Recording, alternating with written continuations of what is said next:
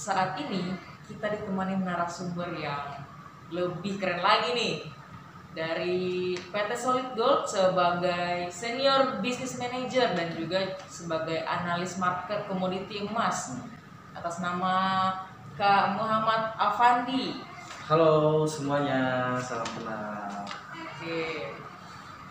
Kak Afandi, Ya, apa kabar hari ini? eh, baik, alhamdulillah. Aku udah susun pertanyaan yang banyak banget nih buat Oke, pertanyaan Kak oke. Afandi. Oke, tentunya, tentunya. Oke, Oke. Langsung aja kita langsung Boleh. ke bahas market ya Kak Fandi. boleh. Gimana nih pandangan Pak Fandi ini Hmm?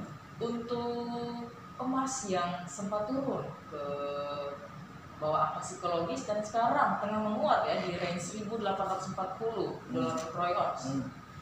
Em, kalau menurut saya sendiri, eh, kenapa kemarin eh, sebenarnya sih kalau bisa dibilang range-nya ini tidak terlalu jauh ya. Even pun kemarin eh, mengalami pen- penurunan yang cukup tajam, cuman eh, itu juga nggak sampai masuk ke level eh, support yang pertama yang kita harapkan di 1763. Ternyata itu nggak tembus. Ya, eh, cuma hanya sampai 1785. After itu dia break tertinggi kembali ya di angka 1850 baru kemarin ya. 1850 itu baru ke- ke- kemarin.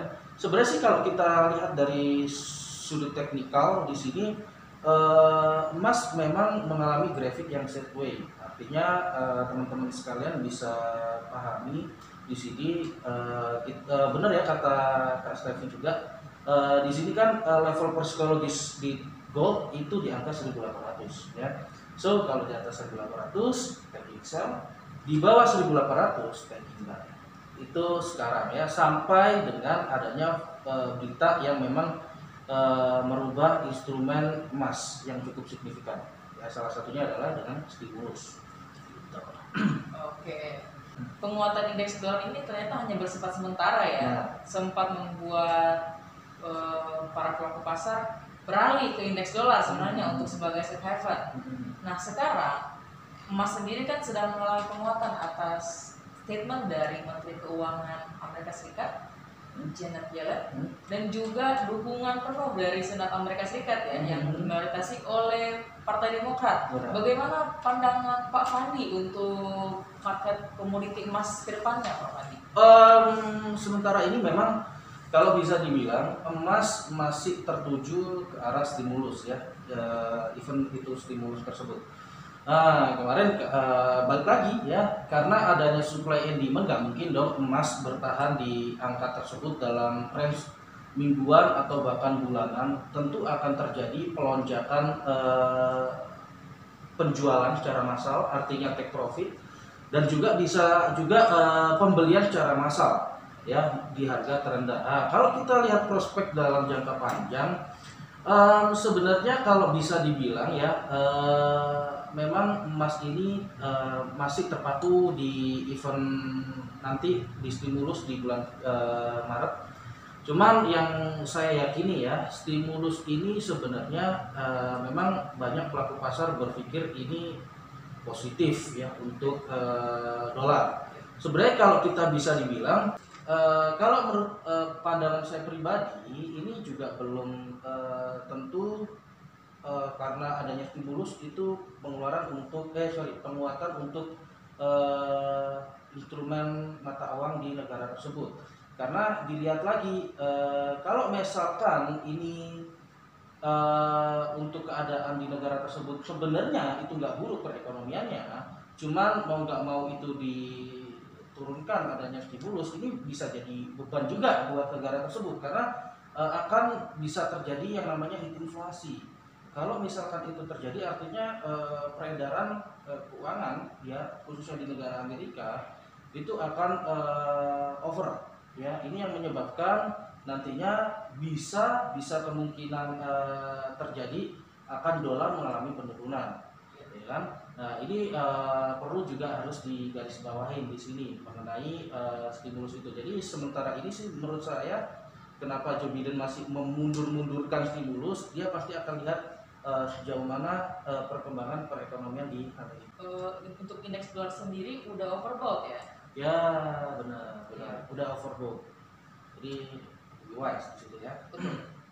Nah, eh, stimulus Amerika Serikat sendiri yang nanti 1,9 triliun ya itu sudah mendapat dukungan dari Kementerian Keuangan langsung ya Hmm. dan juga untuk DPR dan Senat Amerika Serikat. Menurut pandangan Pak Fandi, apakah stimulus yang akan dicairkan sama isinya dengan yang dicanangkan oleh Presiden Joe Biden atau akan dipangkas Pak Fandi?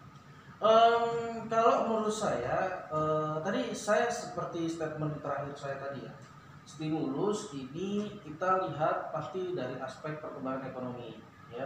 Kalau misalkan ini sudah semakin membaik, ya bisa memungkinkan untuk stimulus itu dipotong, ya? Cuman balik lagi, eh, ada wacana terbaru, ya, eh, tersiar kabar ya di beberapa media, bahwasanya di dolar sendiri, khususnya di Amerika, Eh, ini merencanakan untuk kebijakan tapering. Ya, kalau misalkan itu kebijakan eh, tapering dilakukan, otomatis eh, bisa terjadi stimulus itu tidak akan diluncurkan. Ya, eh, itu sebabnya kita lihat nanti di bulan Maret itu seperti apa. Iya betul. Tadi kata Pak Fandi kita akan lihat di bulan Maret. Hmm. Nah, sedangkan untuk stimulus fiskal sebelumnya di masa pemerintahan Presiden Donald Trump, Hmm. kabarnya stimulus itu akan berakhir di pertengahan bulan Maret Hmm. sehingga akan terjadi inflasi ya untuk Hmm. aset keuangan. Bagaimana pandangan Pak Fandi ini untuk uh, market komoditi emas sendiri secara spesifik? Kalau kita berbicara market eh, bursa ya, kita nggak eh, nggak hanya berbicara mengenai emas. Tentunya 2021 pasti akan mengalami eh, supply eh, yang melonjak eh, hingga bisa terjadi hingga 100 atau 200 persen dari tahun sebelumnya. Jadi eh, sekarang ini kan kita lihat ya mengenai kebijakan fiskal dan lain-lain itu eh, ibarat kata itu adalah eh, supportnya lah ya eh, berita yang mendukung aja. Tapi kalau kita melihat mengenai eh, asli seperti apa, sebenarnya bisa terjadi itu di saham, eh, bisa terjadi itu di beberapa mata uang, dan eh, bisa terjadi eh, di instrumen yang baru nih ya, yang lagi hits yaitu Bitcoin. Karena di Bitcoin ini eh, kemarin baru kemarin ada kabar bahwasannya perusahaan mobil listrik terbesar di Amerika ya yaitu Elon Musk yaitu yang punya Tesla ya. Eh, mereka tahu Tesla ya? Ya, eh, mereka membeli eh, aset investasi Bitcoin eh, senilai 2,1 triliun. Eh, dan bahkan eh, mereka juga berani untuk mengambil resiko untuk bisa eh, melakukan pembayaran eh, apa produk di Tesla sendiri atau Elon Musk sendiri itu juga menggunakan eh, Bitcoin. Artinya kalau bisa dibilang pandangan instrumen investasi di bursa overall di 2021 pasti akan mengalami eh, peningkatan, nggak hanya gold. Tapi ya memang sekarang ini yang cukup signifikan ya pastinya di gold ya, pastinya di gold.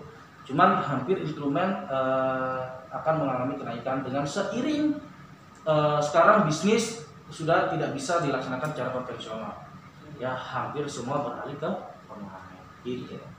Oke, menurut pandangan Pak Fandi seperti itu ya. Berarti kita bisa tahu di sini bahwa inflasi ini berkorelasi positif sebenarnya Iya, dengan emas. Ya. Benar. Oke, Pak Fandi. Sebelum kita mengakhiri ya Hmm. eh, podcast kita hari ini, secara teknikal, Hmm. apakah ada proyeksi yang bisa dijadikan acuan oleh pelaku pasar Hmm. untuk bertransaksi dalam market? Em, sementara ini ya eh, untuk pertengahan tahun ini saya bisa pegang area 1900 itu bisa tembus ya. Eh, cuman ini akan bergerak ke arah sideway ya. Karena seiring eh, apa ya perkembangan beberapa hari atau beberapa bulan itu pastinya ada pasti akan ada berita-berita terbaru lah ya yang bisa untuk eh, merubah pergerakan harga emas yang eh, cukup signifikan. Ya entah dia turun ataupun naik cuman saya masih pede area 1900 itu masih saya pegang.